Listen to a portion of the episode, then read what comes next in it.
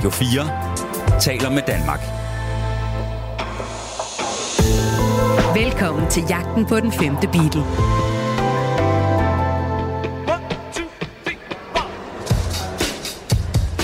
I år er det 60 år siden, at The Beatles udgav deres første album.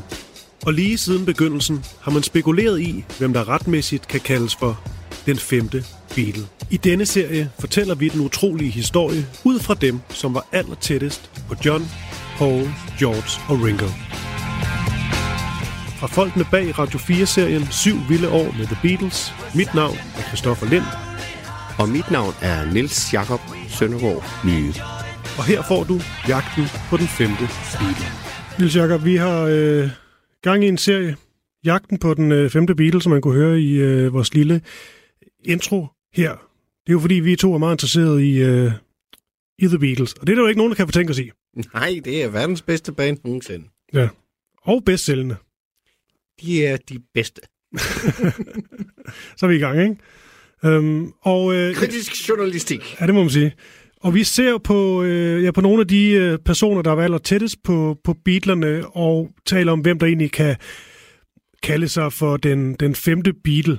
Det er jo et begreb, som, øh, som folk sådan lidt kaster om sig med. Også, der er også måske lidt for mange navne, der på en eller anden måde får det her label, den, den femte Beatle. Så vi prøver ligesom at skære ind til benet mm. og se, hvem har egentlig fortjent det. Ja. Og i dag, der skal vi ind på to personer, som absolut er de mindst kendte ja. Af dem, vi taler om. Ja. Fordi vi kommer også ind på produceren George Martin, ja. Yoko Ono og så videre. Billy Preston. Større, mere berømte navne, i ja. hvert fald sådan i musikkredse. Ja. Hvor de her to, vi skal tale om nu, det er en, øh, en mand ved navn Neil Aspinall, Ja. og så er det en mand ved navn Mal Evans. Og de her to personer er tæt på Beatlerne igennem hele karrieren. Ja. Neil Aspinall går også i skole med flere af dem, Med George Harrison og Paul McCartney. præcis. Øhm, så de, har, lig- de er ligesom med til det lange, seje træk, men de er jo ikke sådan nogen, der er med på pladerne. De er ikke musikere. Nej. Øhm, og de er heller ikke nogen, der sådan er så meget i, øh, i medierne. Nej, de, de er usynlige på, Ja. på sin vis. Og, og, og nu skal vi diskutere øh, dem øh, her i dag, og det er egentlig lidt synd, at vi kun giver dem et halvt afsnit hver, for de er ekstremt vigtige for The Beatles. Nogle af deres allernæreste og tætteste, ikke bare medhjælpere og samarbejdspartnere, men, men venner og fortrolige. Ja, og så er der også nogle øh, dramatiske historier tilknyttet den ene. Hvad så? Hvorfor griner du? Ja, undskyld. Det er bare fordi, at der er en fantastisk historie med Neil Aspinall, som jo på en eller anden måde formår som 19-årig Mm-hmm. at gøre Pete Best, den tidligere trommeslager for Beatles, mor, gravid. Ja. Og hun får så et barn med Neil Aspinall. Han er 19 år gammel. Og tre uger efter, Ja. der blev Pete Best fyret for The Beatles. Det er så hårdt, altså helt ærligt. Grumskab. For satan. Nå. Men det er en vild, øh, og det er jo bare en tabloid-historie, lad os sige det sådan. Ja, men det er jo sjovt nok. Ja, men Neil Aspinall, han er altså med helt, helt, til, det, helt til det sidste styre finanserne. Neil Aspinall er måske i den, måske den, der har været involveret i The Beatles allerlængst. Han har været involveret i The Beatles længere tid end John Lennon. Mm. Han var med helt fra starten, og han var med efter øh, John Lennon døde. Øh, efter George Harrison døde, men Ja. der var han gået på pension. Der, der er ingen, der har været med så længe som Neil Aspinall. Så ham skal vi ind på. Og så skal vi også ind på, øh, på Mal Evans, deres, øh, deres øh, roadie, som øh, er en sjov, stor fætter. En, en, en stor mand, Ja. og i modsætning til Neil Aspinall, så er øh, Mal Evans med i A Hard Day's Night-filmen, han er med i Help-filmen, han er med i Magical Mystery Tour-filmen, og han er med på flere øh, numre, som The Beatles indspiller. Så han er lidt mere, lidt mere synlig, han er øh, lidt nemmere at få øje på, men det er svært at gøre forskel på de to i forhold til deres betydning. Vi jeg våger påstå, jeg ved, at der er nogen, der mener, at Neil Aspinall måske var en større, en bedre kandidat til at bærer titlen den ja. femte Beatle end, end Mal Evans. Men Mal Evans en, en skøn og spændende figur. Ja, og vi starter det her program, eller første del af programmet, bliver lidt anderledes end øh, normalvis, fordi at vi ligesom, øh, det kan vi godt sige, vi har snydt lidt. Vi har bondet et interview med en, øh, en mand ved navn Kenneth Womack. Ja, vi bliver nødt til at tage hensyn til, øh, til tidsforskellen, for Kenneth Womack bor i New York. Ja, og så synes vi også, det var fint, ligesom at det interview, vi lavede med ham, vi begge to var meget, meget glade for, fordi han var virkelig glimrende. Øh, vi ligesom vil dele op i nogle bidder, og så vil vi ligesom tale om Val Evans ud fra, fra det, han svarer. Jeg tror, det kommer til at fungere fint. Men Barnesjakke, vi skal lige selvfølgelig Kenneth Womack. Hvorfor er det, han er spændende, når det kommer til, uh, til Mal Evans? Kenneth Womack er en efterhånden anerkendt uh, Beatles-historiker og Beatles-forfatter. Han er en af de meget, meget få mennesker, der har fået lov til at gå hele Mal Evans arkiv efter i sømne. Ja. Mal Evans familie har givet Kenneth Womack lov til at læse Mal Evans dagbøger, øh, kigge hans øh, klader og hele hans værk, hans øh, det han er efterladt, øh, har Kenneth Womack øh, set igennem, og til november så kommer han med en bog øh, om Mal Evans øh, på engelsk, jeg ved ikke, om den bliver oversat til dansk, men altså, det er, det er første gang, at vi får så nært et indblik i Beatles hverdag, forventer jeg, at det første gang, vi får så øh, intimt øh, et indblik i The Beatles hverdag via Mal Evans dagbøger. Ja. What the, the diaries, um, you know, and there are many of them, and Mal's manuscripts reveal is just how integral he was to their story. You know, it was, uh, he was essentially working 24 hours a day uh, for them. So he was constantly on call. And uh, as we all, I think, surmised, Mal would have done anything for them at any time. 24 timer i døgnet, der var han øh, øh, til rådighed. Det lyder som en butler. Ja, men det var han jo på sin vis også. Han var jo ekstremt lojal og ekstremt arbejdsom. I Get Back-dokumentaren ser vi, hvordan George Harrison, George Harrison med flere sandwiches. Mal! Mal! og så kommer den her store mand med de sorte briller hen og serverer nogle, nogle øh, øh, syltetøjsmadder øh, til George. Han er klar, når de sidder og jammer, og han skriver deres tekster ned. Han sørger for, at de har styr på, hvilke sange de mm. er indspillet øh, i løbet af dagen. Han sørger for, at instrumenterne er klar til dem. Han sørger han er en, øh, en mand, han er en alt mulig mand. Han er deres visevært, han er deres øh, pedel, han er deres øh, betroede øh, øh, ven og medarbejder på samme tid. Ja, han er jo også sådan en øh, helt konkret en, de, øh, kan man forstå på dem senere hen, altså en, de sådan, øh, du ved, går til. Måske hvis der er lidt spænding og et eller andet, ja. så kan man altid lige tale om Mal. Jeg tror, alle kunne lide Mal. Ja. Og jeg tror måske i virkeligheden, og det er mig, der spekulerer, men jeg tror, han har haft lidt det samme sindelag som uh, Ringo. Altså, der var heller ikke nogen, der ikke kunne lide Ringo. Ringo var også en hyggelig fyr, ja. og man brummer lidt, og bum, bum, bum, bum, bum. Ja. Og måske Mal var lidt på samme måde. Han var, øh, øh, øh, han var en, en, en, en mand, der inden for The Beatles kernen ikke vagte opsigt og kunne godt med alle sammen. Og så udad til var han måske noget andet. Altså han, han var en stor mand, jeg tror han.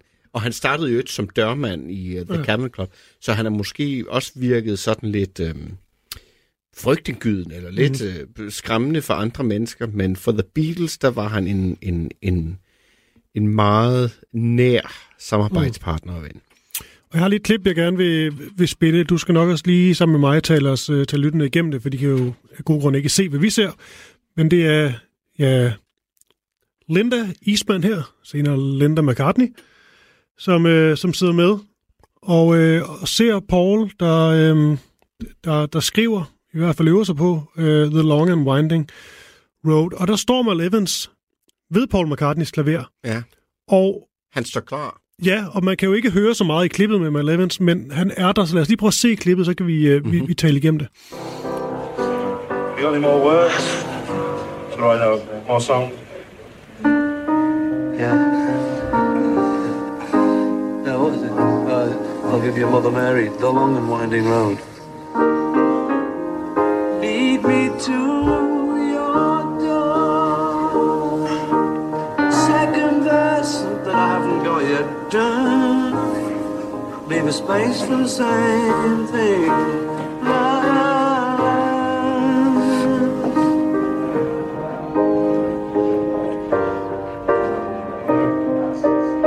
Winding road that leads to your door. Never disappear. I've seen that road before. It always leads me here, lead me to your door. It's sort of like the Wizard of Oz. Did you ever see the Wizard of Oz? No, no, no, I didn't, but I. The Yellow Brick Road. Yeah. Det er en samtale, McCartney har med Eleven til. Han har den her dybe, hyggelige stemme. Men vi kan høre Paul McCartney, han har ikke ordene på plads endnu til sin nye mm. sang.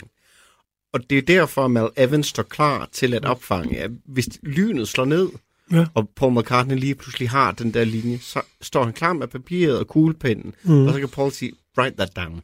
Ja. Skriv det ned, og, og, og på den måde assisterer han dem jo også i sangskrivningsprocessen. Og senere i Get Back-dokumentaren kan vi også se, at han faktisk kommer med forslag til, mm.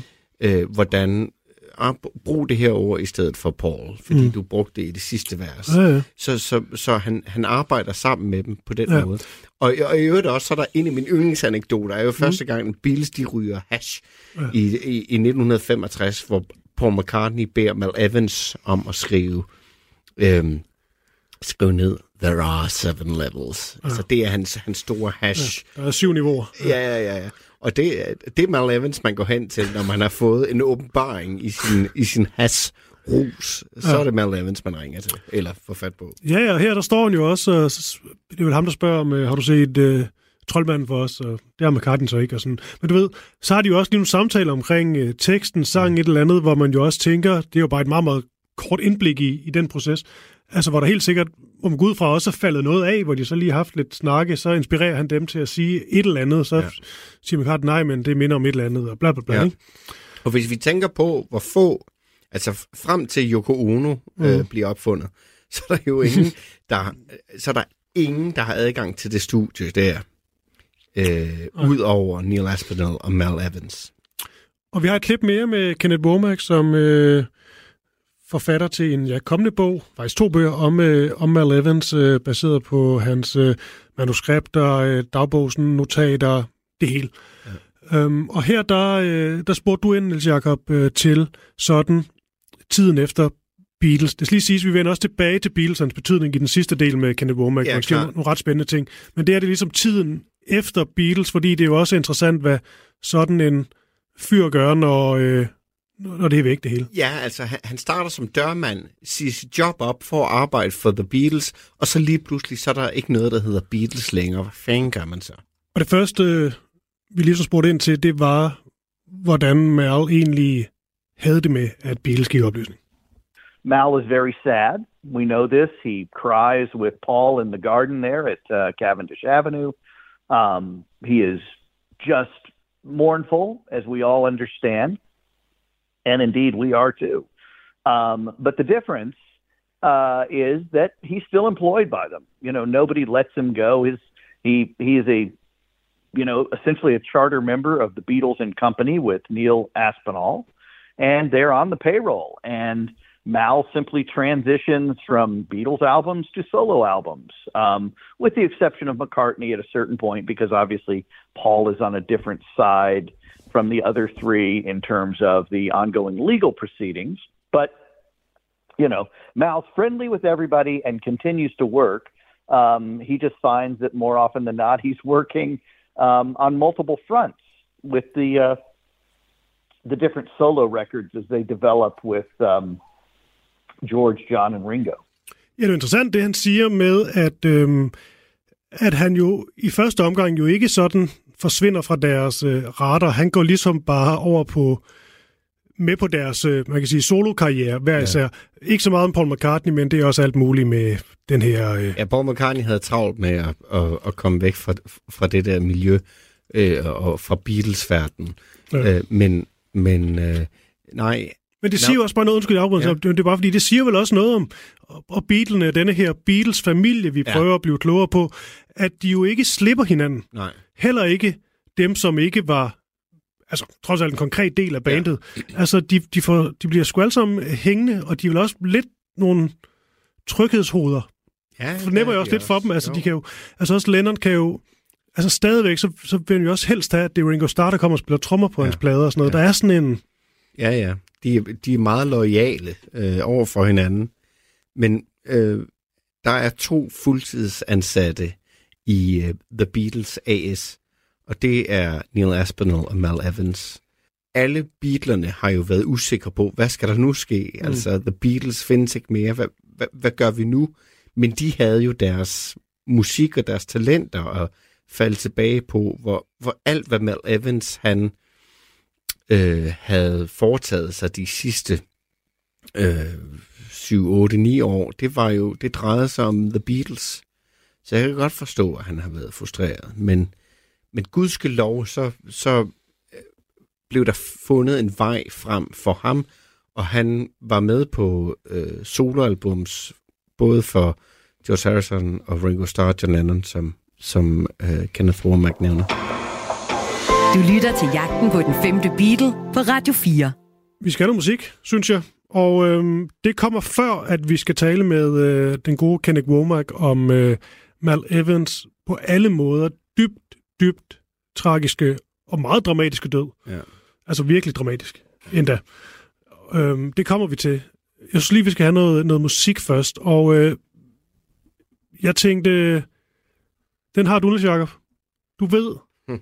præcis, hvad det er, jeg og lytterne alle vil høre. ja, ja, Og hvad det mest oplagt er. ja. Kom så med det. Vi skal da høre noget fra Ringos solokarriere. Hvorfor ikke? Det er helt seriøst. Så er Og, og til, til de lyttere, der sidder derude og ikke helt forstår det, måske bliver lidt forstået, så kan lige sige, at Adel Jacob øh, Søndergaard Myge, der sidder sammen med mig, han, øh, han har altså modsat nærmest alle mennesker i verden, et meget varmt forhold til Ringo Starrs solokarriere. I hvert fald, Nej, det passer ikke, men i hvert fald det her album. i hvert fald den første del af det. Ja, det er rigtigt. Jeg synes Du faktisk, lide de han første laver nogle fire gode. rigtig solide plader Nå. Men hvad, i 70'erne. Det synes jeg, han gør. Og, og især den plade, der hedder, simpelthen hedder Ringo. Ja. Øhm, ja, med respekt for det, men lad os Ja. bare, øh, hvad, hvad sagde der du er, med? Der er en sang, der hedder You and Me, Babe, som Mal Evans har skrevet. Øh, som George Harrison hjælper ham med at øh, få skrevet færdig, så Ringo kan smide den på sit soloalbum. Og ved du hvad? Jeg synes bare, det er en hyggelig sang. For you and me,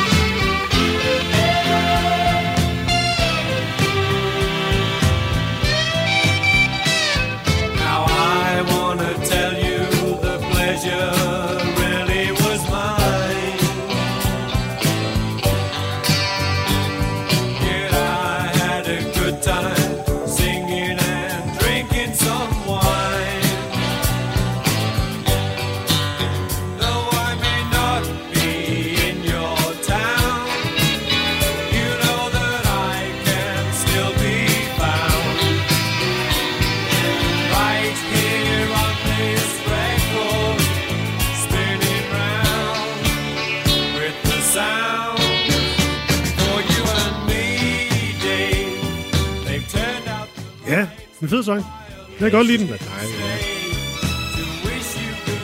Ja. Marimba? ja. ja, det var nok producerens valg. Ja. Men, ja, øh... nej, jeg synes, den er fin, og på en eller anden måde, så er det kun Ringo, der kan synge den der. Altså. Ja. Men øh, ja, det blev jo... Øh, det, det er altid mærkeligt at skulle lave sådan en segway til et, øh, til et tragisk dødsfald, så øh, jeg vil prøve at være med at sige et eller andet smart. Men det er det, Nå ja, men altså, Mal Evans havde jo så mere i sig, end bare at være medhjælper, ikke? Han, Ja. han, øh, han, skrev sange, og, og som vi så åbenbart kan læse om i Kenneth Womack's bog, så, Ja. så havde han også gang... Det var også ham, der op, opdagede bandet Badfinger, ja. og sørgede for, at de kom med på Beatles pladeselskab. Så han havde andre, gang i andre ting, end at bare være en, en, en trofast tjener, og, og på den måde, så gør det jo hans, hans død endnu mere tragisk, at, at vi faktisk havde at gøre med, med en kreativ og virksom mand. Vil du lige prøve at sætte øh, bare nogle overskrifter på, hvad der er, der sker? Fordi vi taler med øh, Kenneth Womack om det, og han øh, kommer mere øh, ind, ind på det, men det er også ligesom i forhold til, altså, hvad, hvad ved vi, hvad er en af hans egen skyld, rolle i det? Men hvad, hvad er det, vi ved sådan? Vi ved i virkeligheden ikke meget. Det er også derfor, jeg ser lidt frem til, til, til den bog her. Men Øh, Mal Evans er i L.A. Øh, han har en kæreste, der hedder Fran Hughes, og Evans har det øh, dårligt. Han er ked af det, han er oprevet, og han er ikke til at komme i kontakt med. Og hun ringer til øh, en ven af Mal Evans, som han beskriver det som om, at han ser øh, Mal Evans really doped up and groggy.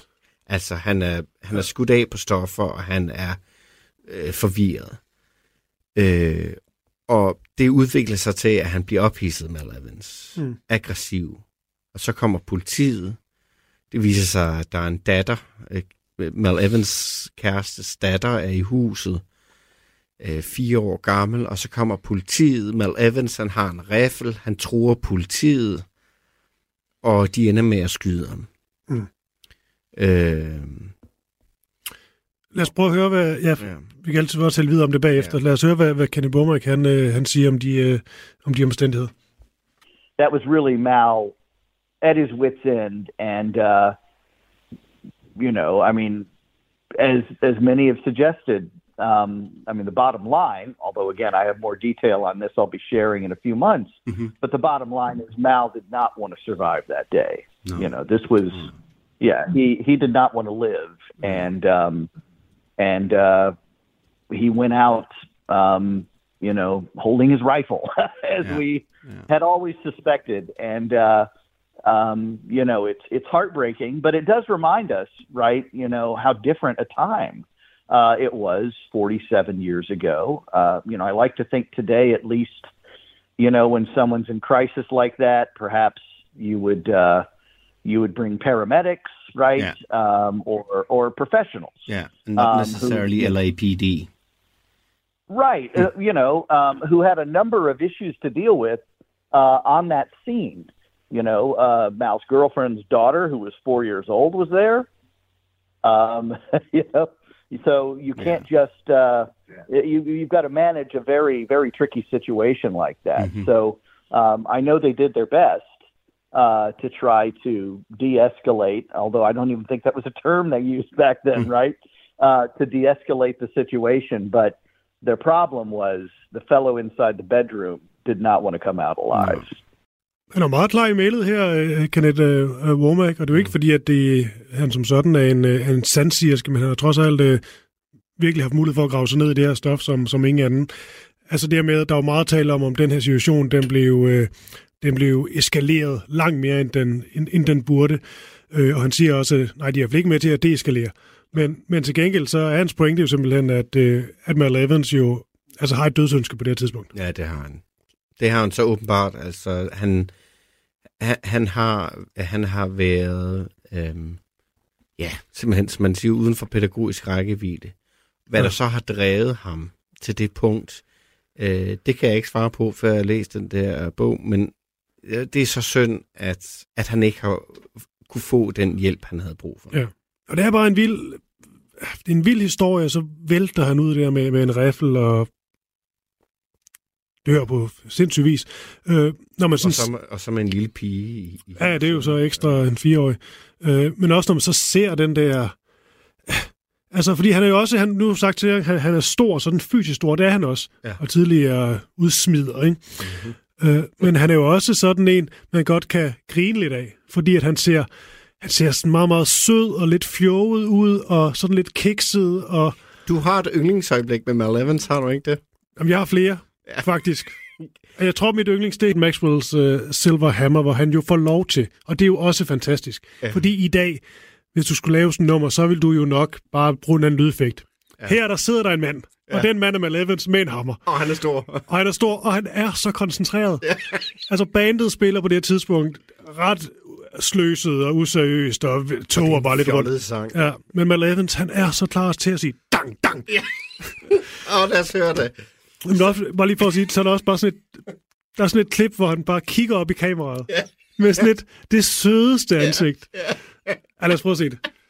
Det er altså Maxwell Silverhammer med ingen ringer end Mal Evans på Armbold. Bang, bang, Maxwell Silver hammer came down upon her head. Bang, bang, Maxwell Silver hammer made sure that she was dead. Take it away, Johnny. dejligt stykke med fløjt. Sådan der.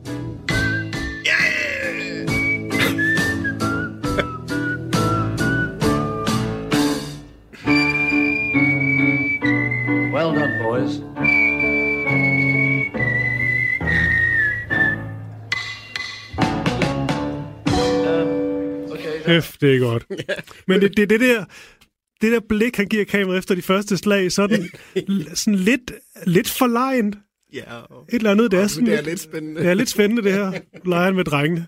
Fantastisk klip. Men altså, det er jo nok den bedste måde at huske Mal Evans på. Øh, han, han har også en finger med i spillet en af de største Beatles-sange måske overhovedet. Ja. Øhm,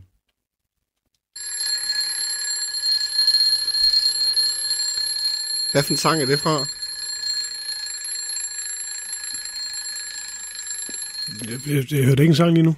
Det er A Day in the Life, hvor John Lennon har Nå, der en er sang. væk ud og ringer, eller hvad? Ja, væk ud og ringer efter 24 takter. Woke up. Er det det? Ja, Nå, det er Mal Evans. og det er sjovt. øh, og Mal Evans, han øh, tæller højt takterne, Ja. så The Beatles ved, hvor langt de er kommet i sangen. Og han tæller 24 takter. Det er der, øh, orkestret stopper med det her evige crescendo. Ja. Og det at markere, at nu skulle Paul McCartney begynde sit stykke Woke Up, Fell Out of Bed. Mm. Så har han en lille vækkeur, som han sætter til, og så kommer Paul McCartney ind.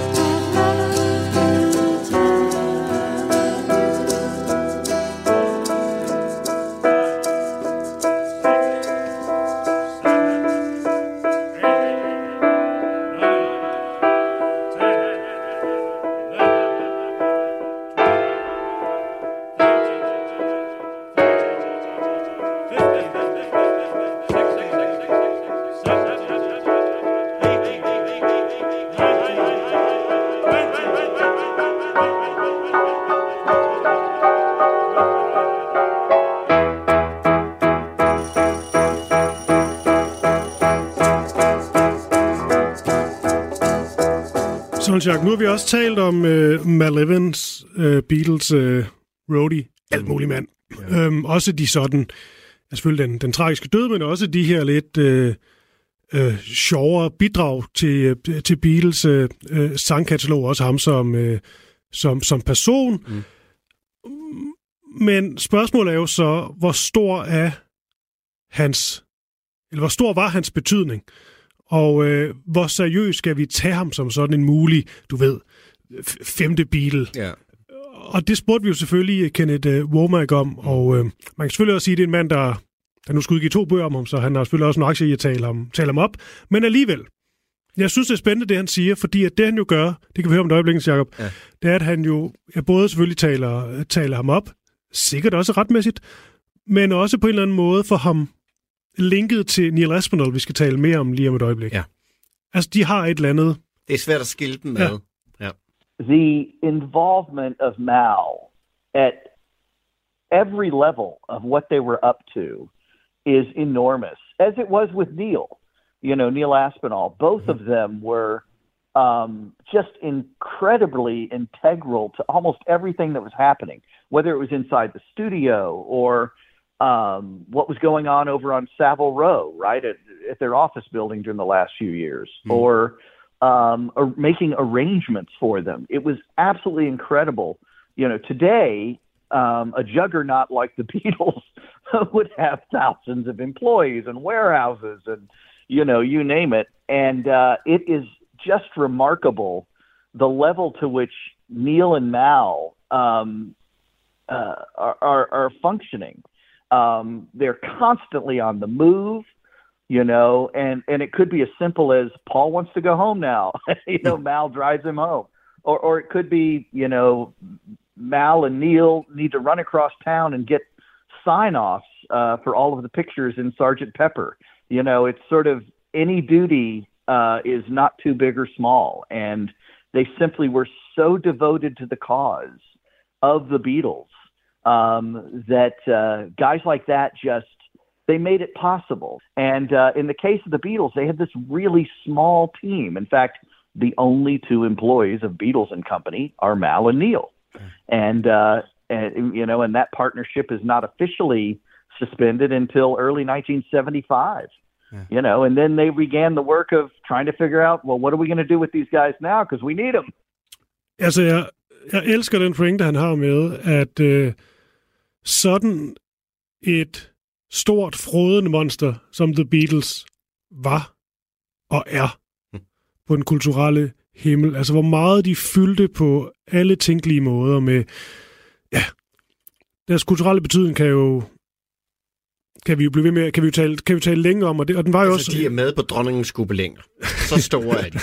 Ja, du ved, det er, bare, det er bare vildt, ikke? Men så er det en sjov og god point, den har med, at i dag, der vil der have været altså hundredvis om, En om social media manager, alting, ikke? flere presseagenter. Ja. Her der er det bare en lille bitte familie, hvor det i hvert fald ifølge øh, Ken Womack her, er sådan Neil Aspinall og Mal Evans, der er de klart mest øh, centralt, selvfølgelig også øh, efter at øh, deres manager Brian Epstein, han, øh, han dør. Mm. Men det er som om, at der er meget, meget få omkring Beatles. Til gengæld skal de jo så også være der hele tiden, og det er de også. Altså, ja. han nævner også noget som, hvor jeg tænker, det næsten kan virke noget lydmygende, sådan noget, øh, altså Paul McCartney brug for at få et lift hjem, eller blive kørt Ja. hjem, ikke? Altså, Ja.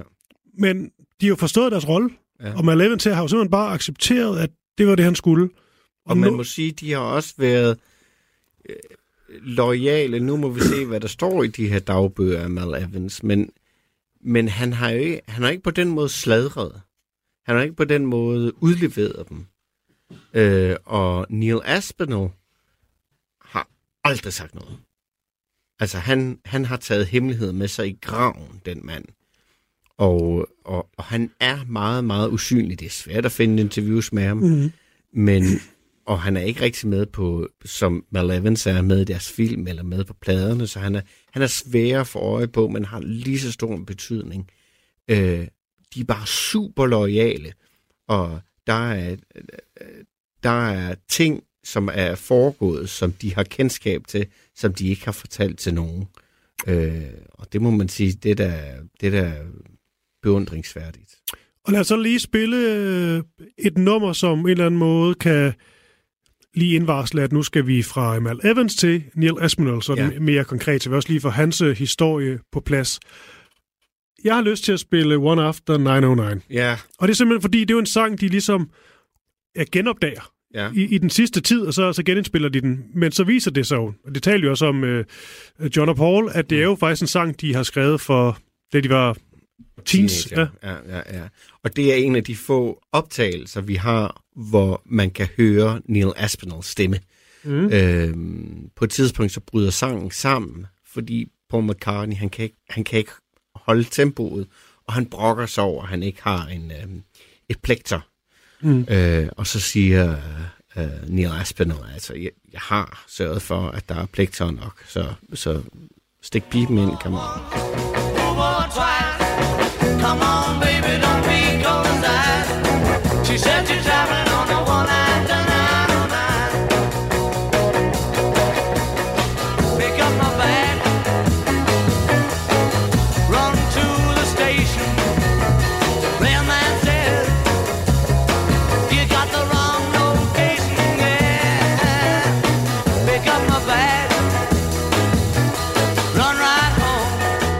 What are you doing? Just, I, it's murder. I can't do it. Can't keep it up. I just got. I'm trying to keep this. I haven't got one. Where is it, Clark? I've been trying Well, your clothes have been day. brought hours ago.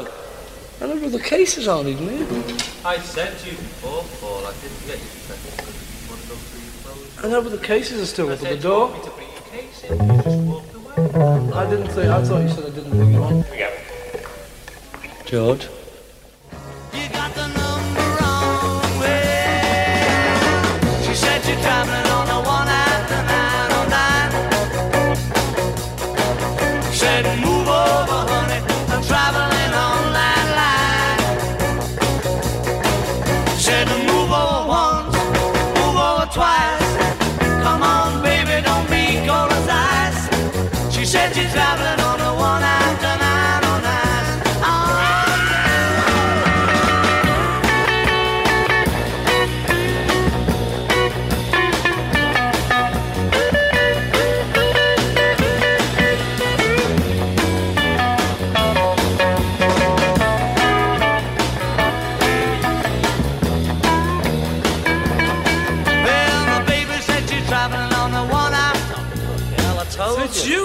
Said we'd miss out a bit late.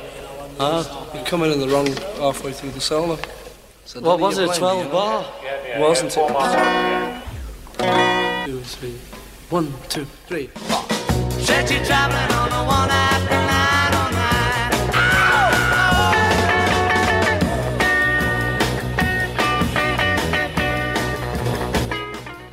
Og så skal vi til den øh, på mange måder mystiske, måske også lidt oversete Neil Aspinall, i hvert fald når man taler om mandens øh, betydning for, øh, for The Fab Four.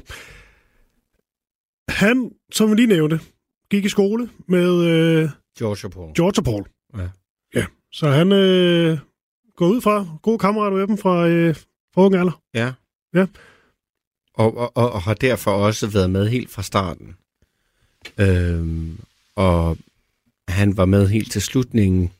Han øh, stopper som chef for Apple øh, Beatles selskab i 2006.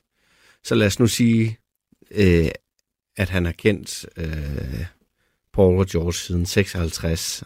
Det er nok ikke helt sådan ved siden af. Så er det altså 50 år, at han har været ikke bare en ven af The Beatles, men også siddet i spidsen for deres forretningsimperium, øh, Apple Records. Mm. Øh, Mal Evans øh, eftermæle er den her armbold, og den her, øh, hvad hedder det, det her vækkeur på A Day in the Life. Neil Aspinall efterlader sig sit helt store eftermæle. Det er Anthology-projektet, som er en bog, en dokumentar på over 10 timer og øh, tre dobbelt CD'er. Det er Neil Aspinalls gave til os Beatles-fans. Så han er simpelthen øh, primus motor på det projekt. Han øh, op igennem 70'erne og 80'erne samlede øh, optagelser, øh, artefakter og alt, hvad han kunne komme i nærheden af, for at lave et Beatles-arkiv med henblik på at lave den her definitive Beatles øh, dokumentar, den her kortlægning af deres karriere. Mm. Og han får jo sådan en... Øh, han er jo en, han er jo en spændende karakter, fordi man kan sige... Han ender jo med, så vidt jeg forstår, i hvert fald meget af det, han gør, og gør det godt og være rigtig øh, god til det. Men han har også sådan nogle forskellige jobs. Beatles ansætter ham sådan lidt forskelligt. Ja, han starter med simpelthen at være, være chauffør. Han kommer til, før Præcis. Evans kommer til. Øh, da The Beatles tager til deres allerførste øh, øh, session i London, hvor de skal spille for Decca i håb om at score sig en pladekontrakt, så er det Neil Aspinall, der kører dem fra Liverpool i snevejr til London. Øhm, Mm. det er ham, der... Da George Harrison bliver syg i... Øhm, da de, på deres første besøg i New York, så er det ham, der er stand-in for George Harrison under prøverne til The Ed Sullivan Show, som bliver den her kæmpe, kæmpe succes for The Beatles. Så han er altid med i baggrunden, men spiller en meget, meget vigtig rolle. Så bliver han så til, øh, hvad hedder sådan noget, personlig assistent. Og, Ja. men, men det er bare, vi skal nok og arbejder tæt sammen med Brian Epstein, og Ja. da Brian Epstein så dør, så bliver han så gjort til chef for Apple ja. Records. Det er bare vildt. Altså, det er virkelig, man taler meget om den der, øh, den klassiske historie om praktikanten, der blev til. Men her der er det jo Ja. virkelig praktikanten, Ja. som simpelthen ender på, altså ganske få år, at blive altså chef for Apple. Og, og dermed chef for The Beatles. Ikke? Det er Ja. ham, der har forvaltet... Godt nok vild historie. Det er ham, der har forvaltet ja. Beatles eftermæle og Beatles arv. Ja. Og hvis man ser på, hvad der blev udgivet indtil for ganske nylig, meget let Beatles, der blev smidt ud. De fleste kender det blå album og det røde album. Det var stort set, hvad der kom ud fra øh, The Beatles, ja. efter de gik i opløsning og frem til 90'erne. Miles Davis, Elvis Presley. Prøv lige at overveje, hvor mange greatest hits-plader, der mm. er blevet udsendt med dem. Hvor mange greatest hits-plader er der med Elvis? Det er jo helt vildt. Der har øh, Neil Aspinall, synes jeg, fundet en balance mellem ikke at slå mønt Mm. på et ekstremt populært band, men også at, at give noget, øh, hvad skal man sige, noget kvali- udgive nogle, nogle kvalitetsprojekter, som Mhm. for eksempel Anthology, som for eksempel øh, Love, øh, og, og han har lagt en linje for øh, udgivelser med The Beatles øh, her i, om man så må sige, moderne tid, Ja. øh, at det er af høj kvalitet, og det er ikke, hvad skal man sige, det er ikke spekulation. Men Nej. det er, det er stadig dyrt, ikke? Men man får noget for penge, hvis man er Beatles-nørd. Det er ikke bare endnu en greatest hits-plade, hvor, hvor de samme gamle hits er sat i en ny rækkefølge. Du lytter til Jagten på den femte Beatle på Radio 4. Ja, vi har jo allerede været inde på den der, øh, det måske mest øh, saftige historie om Neil Skal Aspinall. vi, skal vi bladre lidt i Se og Hør? Og Det er bare, han er bare, han er jo tætte, tætte venner med Pete Best. Er de gode venner? Ja. Ja. Og Pete Best, han har en mor, Ja, og så kommer han som lige på... nok har portugisisk blod i årene. Ja, og, og hende, øh, ja, så Pete Best far er på forretningsrejse, ja. og så kommer Aspinall lige forbi Han er uden bys. en sen Og aften. så banker Neil Aspinall på døren. Mona, er du hjemme? Og det kommer der et barn ud af. ja, det gør der. Så det vil sige, at Neil Aspinall er far til hans bedste vens lillebror. Ja, og så, ja, og så bliver hans tætte ven Pete Best så smidt ud af Beatles, Ja. og bliver en på alle måder tragisk Ja. historie og skikkelse, mens Neil Aspinall fortsætter i Beatles, og også ender sikkert med at tjene boksen. Ja. Det er sgu et hårdt liv nogle gange. Yes, stakkels Pete Best. Ja. Men hvad ved vi egentlig om, om Neil Aspinall i forhold til sådan hans øh, relation, venskab til, til de andre Beatles? Jeg går ligesom ud fra, at McCartney og, øh, og Harrison har sådan et, et måske startmæssigt tættere forhold, fordi de er jo skolekammerater og sådan noget. Men, men ved du noget om, om han ligesom er tættere med den ene eller den anden? Du, du kan ikke være så tæt på The Beatles, som Neil Aspinall var, hvis ikke John Lennon har sagt OK for dig. Jeg tror, alle har opfattet ham som en lojal og trofast ven og samarbejdspartner. Men øh, vi kan jo se i Get Back-dokumentaren, hvordan Beatles interagerer og opfører sig sammen med Mal Evans, og det kan vi ikke med Neil Aspinall. Vi har ikke de der de håndgribelige beviser eller indikationer på, øh, hvordan deres samarbejde fungerede. Så skal vi have fat i, i, i folk, der har kigget i breve og, og kigget i dagbøger og interviewet folkene selv. Mm. Da Beatles bliver optaget i Rock and Roll Hall of Fame, øh, der siger George Harrison, at øh, hvis der var nogen, der var den femte Beatle, så er det Neil Aspinall. Mm.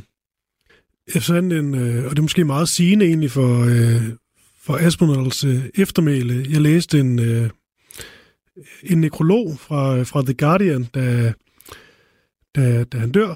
Så dagen efter, så skriver The Guardian, øh, Neil Aspinall, nu oversætter jeg lige til lidt øh, dårligt dansk her, øh, som døde øh, i går, 66 år gammel, var den ene af to, af kun to mennesker, som havde en betydning for, for Beatles-sagaen, som aldrig fortalte deres, eller sin historie. Mm. Hvilket er, kan virke underligt, når du ser på de tusindvis af Beatles-bøger, der er skrevet de seneste 40 år fra masser af personer, som aldrig nogensinde mødte dem, som ikke kendte dem, til Mm. advokater, som lige havde en lille smule med dem at gøre, til chauffører, som kørte med en enkelt gang. Og, og, det- og er jo rigtigt nok, altså, vi kan også bare se på, og det er jo fint, de historier bliver fortalt, men altså, den, den frisør, som øh, klipper håret af John Lennon i, i Danmark, ikke?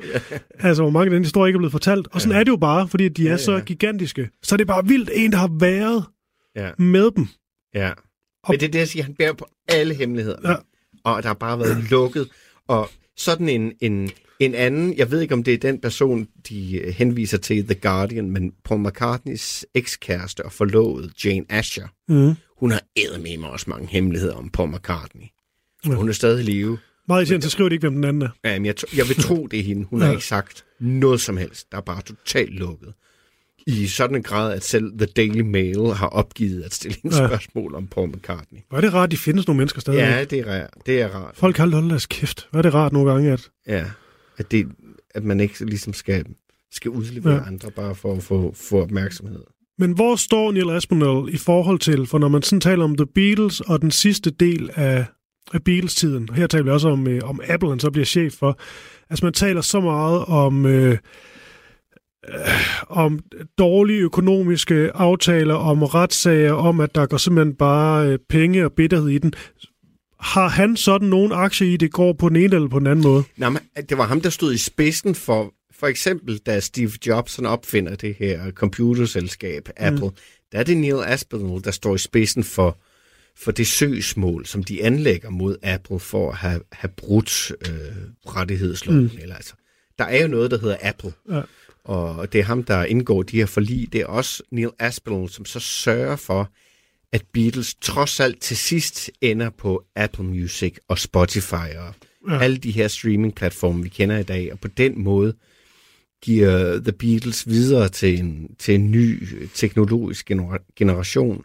Så han, han spiller en, en, en stor rolle, og hvis vi skal diskutere ham som muligt, mulig modtager af den her flotte præmie, den her flotte titel, Mm. den femte bil, så må man sige, der er ingen, der har været med længere.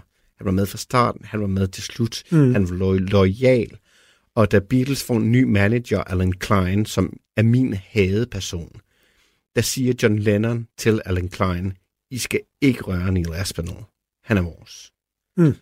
Øh, så det siger noget om hans loyalitet og den øh, tillid, han nød af The Beatles. Og, og man må bare simpelthen konkludere, øh, at den har været velfortjent. Du nævnte George Harrison siger, at øh, han Mm. kunne måske godt have titlen som den femte Beatle, hvis man endelig skal, skal vælge Ja, en. ja. Ligesom vi så ved, at McCartney, han, øh, han skyder lidt med spredhavl.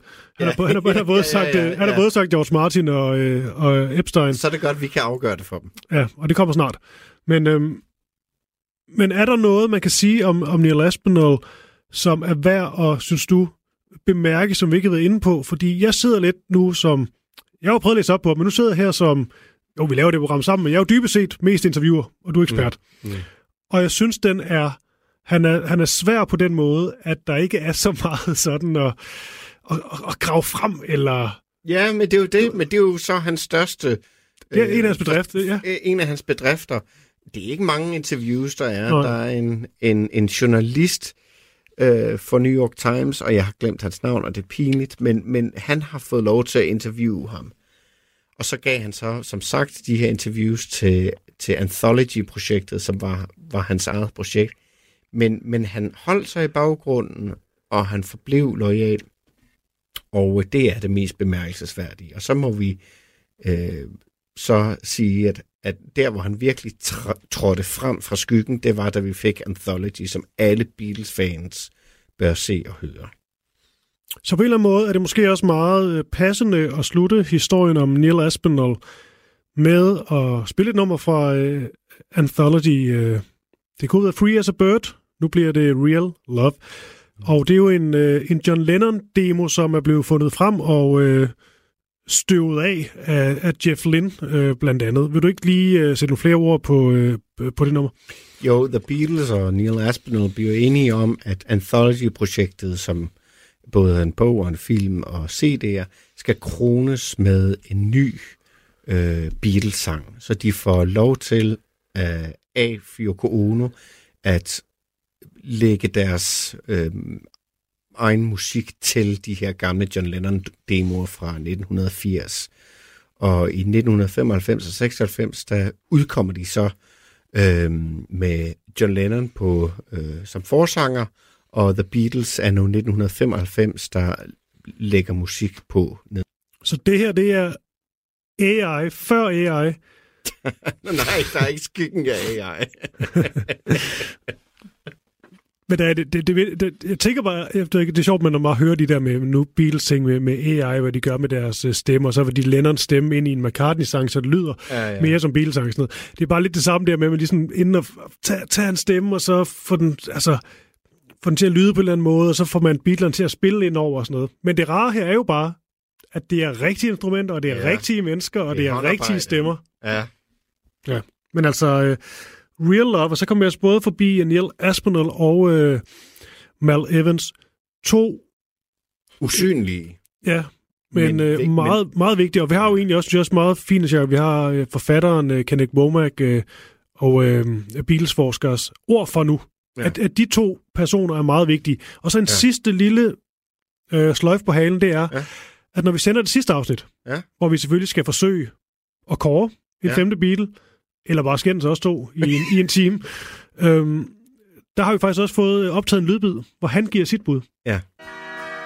Og det, det er spændende. Jeg glæder mig.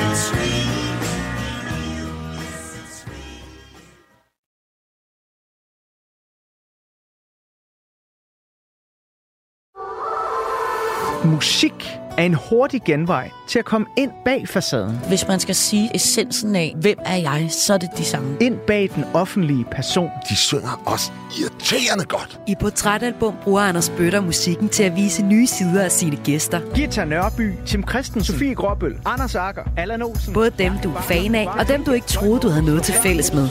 Velkommen til Portrætalbum. Lyt til Portrætalbum i Radio 4's app, eller der, hvor du lytter til podcast.